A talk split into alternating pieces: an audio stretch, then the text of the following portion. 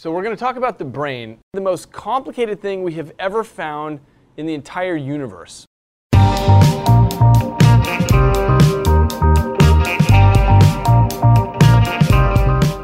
Nöroblog sunar. Sinir bilimde bu hafta.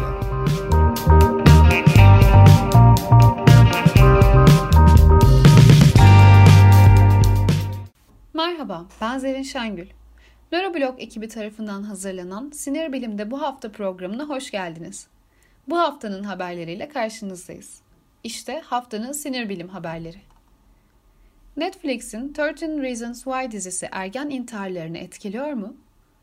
Michigan Üniversitesi'nden bilim insanları tarafından yapılan yeni bir araştırmaya göre son iki yılda intihar girişiminde bulunan ergenlerin büyük bölümü 13 Reasons Why dizisinden etkilendiklerini belirtiyorlar. 13 Reasons Why dizisi hayatına son vermeden önce intihar sebeplerini kasede alan 17 yaşındaki bir genç kızın hikayesini anlatıyor. Sanat eserlerinin, romanların ve şarkıların intiharları etkileyip etkilemediği tartışmalı bir konu.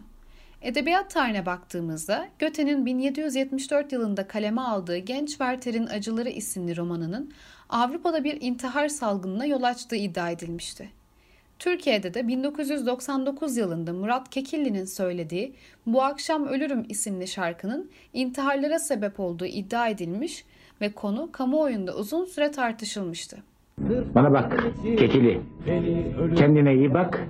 insanlara örnek ol. Sakın böyle insanların ölümleri ve intiharlarının üzerine ticari kaygılar gütmeye kalkma.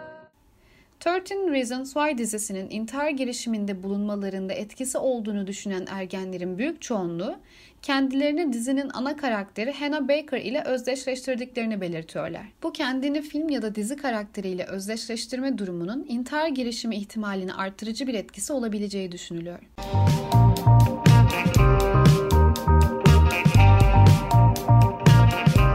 Yemeği görmek ve koklamak karaciğeri uyararak sindirme hazırlanmasını sağlıyor. Sevdiğimiz bir yemeği gördüğümüzde ağzımızın sulanması bilindik bir durumdur. Ancak Almanya'nın Köln kentindeki Max Planck Enstitüsü araştırmacıları hikayenin burada bitmediğini gösterdiler. Yeni çalışmaya göre yemeği görmek ve koklamak karaciğeri harekete geçiriyor ve yemeğin sindirimi için gerekli hazırlıkların yapılmasını sağlıyor. Karaciğer vücutta pek çok fonksiyonunun yanında sindirim için gerekli enzimleri de salgılıyor.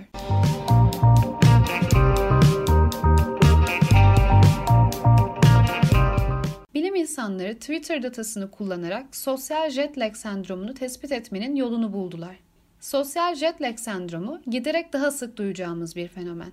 Yeni tanımlanan bu sendrom, vücudumuzun çalışmasını düzenleyen biyolojik saatimiz olan sirkadyen ritim ile günlük yaşantımızın uyumsuzluğundan kaynaklanıyor. Sosyal medyaya olan düşkünlüğümüz ve günlük yaşamın zorunlulukları bizi sirkadyen ritmimizle uyumsuz bir hayat yaşamaya zorluyor. Bu uyumsuzluk özellikle uyku düzenimizi kötü etkiliyor ve uyku problemleri çeşitli sağlık sorunlarına yol açıyor. Karanlık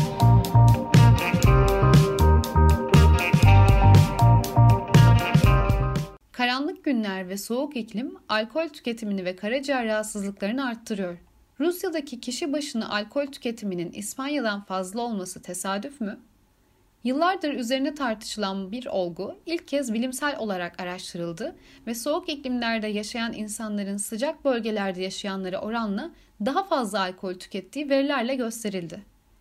Alkol damarları genişleten vazodilatatör bir madde. Alkol içmek vücudun belirli bölgelerindeki damarları genişleterek kanlanmayı ve dolayısıyla sıcaklık hissini arttırıyor. Bu nedenle Rusya gibi soğuk iklime sahip bir ülkede vodka gibi yüksek alkollü içkiler içmek vücut ısısını korumada fayda sağlıyor. Ancak Amerikalı bilim insanlarının araştırmasına göre soğuk iklimlerde artan alkol tüketimiyle birlikte karaciğer hastalıkları ve siroz sıklığı da artıyor.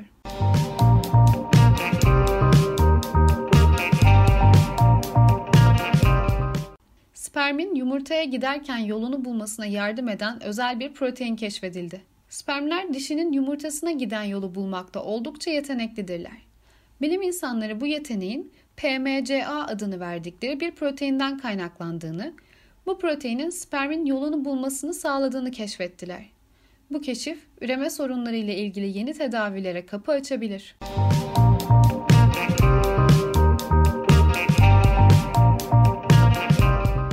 Akrep ve arı zehirleri ilaçları beyne ulaştırma sorununda bilim insanlarına yardımcı olabilir. Bir ilacın beyne ulaşmasını sağlamak kolay değildir. Çünkü kan beyin bariyeri adı verilen kimyasal bir bariyer, yabancı maddelerin beyne ulaşmasını önlemeye çalışır ve bunda oldukça başarılıdır. Kan beyin bariyeri beyne tanımadığı maddeleri sokmak istemez. Çünkü bu maddeler zehirli olabilir ve beyne zarar verebilir. Bu beyin koruyucu sistem beyne ilaç ulaştırmak istediğimizde sorun yaşamamıza neden olur. Beyin ilaçları tanımadığı için kan beyin bariyeri yoluyla aynı toksik maddeler gibi ilaçların da beyne geçmesini engellemeye çalışır. Bu nedenle bazı gerekli ilaçlar beyne giremez. Bilim insanları ilaçları beyne ulaştırmak için arı zehrinin yanı sıra akrep zehrinden de yararlanılabileceğini keşfettiler. İlaçlar bu zehirlerin içeriğindeki bazı maddelere bağlanarak beyne ulaştırılabilir ve kan beyin bariyeri bu yolla aşılabilir.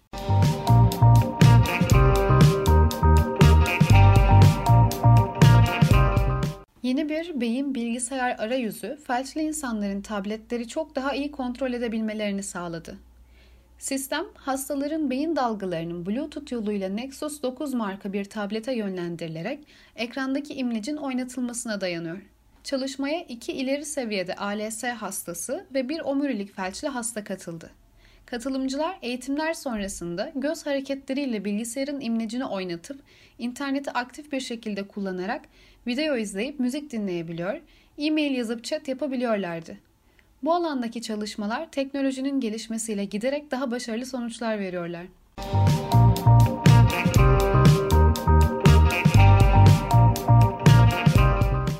Neuroblog'a Twitter, YouTube, Spotify, SoundCloud, Apple iTunes podcastler, Android Stitcher Radio, Facebook ve elbette neuroblog.net üzerinden ulaşabilirsiniz. Sinir bilim herkes içindir.